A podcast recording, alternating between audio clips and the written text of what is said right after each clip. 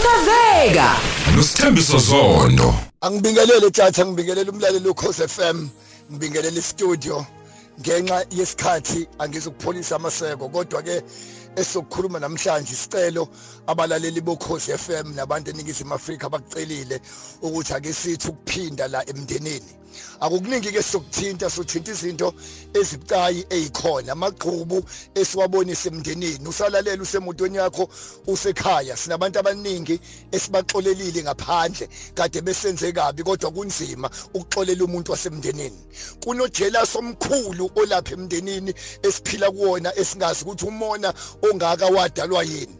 Ngathi balaleli bokhoze FM angeke safana uma ngabe siwumndeni. Siyazi ukuthi sifana namagatsha esihlahla. Elinye vele lingabheka lentshonalanga elinye impumalanga igatsha lesihlahla. Elinye libheke phezulu elinye ligobe nje. Kodwa size singakhohlwa ukuthi noma singamagatsha abhekele kodwa siqhamuka empandeni eyodwa. Njoba ngikhuluma right now singama Afrika engikucela kakhulu ukuthi ake sixolelane. Lento yomndeni yakhiwa izinto e- ezimbalwa nje eziyifew asiningi izinto ezakho umndeni okokuqala ukwazi ukuthandana. Okwesibili ukuxolelana. Khona into kuthiwa iempathy. Sikwazi ukungena isicathulweni somunye umuntu. Athi umuntu noma mhlambe ake ngithi nje engenayo ingqondo nkosi yami kodwa siyazi akusilima sindle bende kwaso. Owasekhaya noma enje asingabambelani amagqubu asingathakathani. Nobuthakathi obukhona ke obusemndenini obungakaze bubone ngathi kuleli yasonto kunezidumbe ezaphuma emndenini esiphuma kuyona kunabantu abaphambana amakhanda.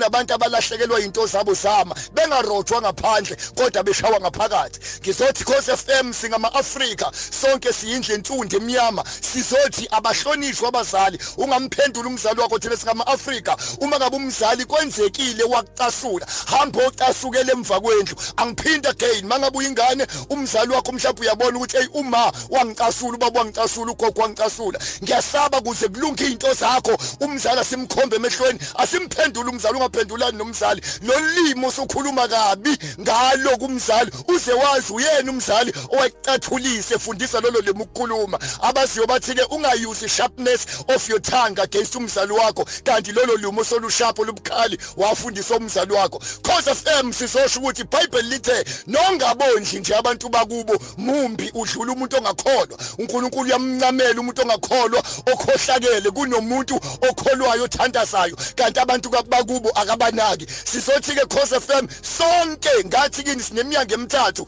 ekufuneka noma ungadinwa kanjani ungayibhakasi. Kwincwadi engiyibhalayo leminyango ngiyimentionile ukuthi umnyango wakwakho noma thiwa kwakho ucasuke kanjani. Mangabe usuphuma phuma ngesizotha ngoba imveli iyakubuka uJehova uyakubuka umnyango wakwakho ubhakaswa umnyango wasesontweni ubhakaswa umnyango wasekhaya ubhakaswa ngizothi ke cause FM ake sibuyisane singabandawonye. Ngizothi kunento ebucayi ukuthi kunemndeni esaku level 5 ayingenelani. Sizothi fellow South Africans sizocela manje siya declare siyamemezela ukuthi ayikingenelani imndeni omamncane abangene phela kamamkhulu. O anti abangene lapha. Omakoti ake singenelane singomakoti? Ake singenelane singabandawonye? Ngiyayisaba lempilo esiphilayo bese ngivala ke ngicela nabo bonke abenze kahle bakwethu. Makunomuntu owenze kahle ngiyacela simncome. Kunomuntu oseteksini right now umpintshekile eteksini uyopatanisa okuyimpushana nje. Okuzodliwa ekhaya. Angisho ukuthi ungizwe kahle.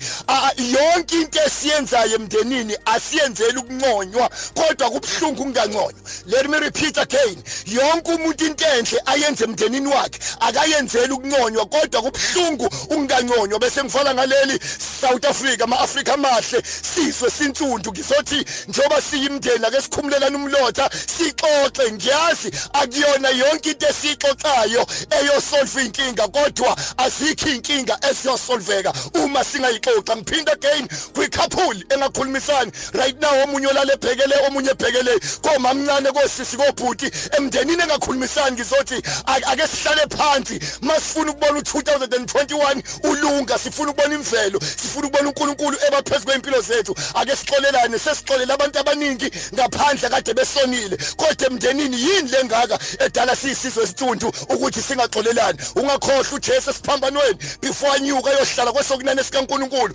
uzwakala etshela abafowabo John ethi ethi bafowethu bhekana umame ethi mame bheka indodana. Kumazwi ayisikhombisa before anyuka uJesu uqala ulungisa kubo mame bheka indodana indodana bheka umame. Kubhlungu ukunconywa ngaphandle kanti uyachekwa ngaphakathi. Kubhlungu ukusiza abantu bangaphandle kanti awubasiza abantu basendlini. Siyasaba uma umfundisi kanti awulinaki kini. Siyasaba uma upresident kanti awubanaka abantu bakini. Siyasaba uma uyinkosi kanti awubanaka abantu bakini. Ngiyasaba uma ucebile wondla abantu ngaphandle ubanika ama food parcel. Kanti awubanaka abantu bakini sizothi sisesintunju uNkulunkulu akanibusise niphuma anibusise ningena. Konke nibeka kukona isandla uJehova kanibusise awafudumala amakhaya kube nokuthula emakhaya. Abantu besahamba emsebenzini ngamatekisi sihamba ngamabhasi ngeimoto uNkulunkulu akanibusise ngeneni kweni isekuphumeni kweni i-lockdown imoshile ishayile. Kodwa uNkulunkulu sasindisile thina kuze kube imanje abafile abafanga ngoba sibeziwula nawo uphili ngoba uhlakaniphile. Abafisayo ukungifonela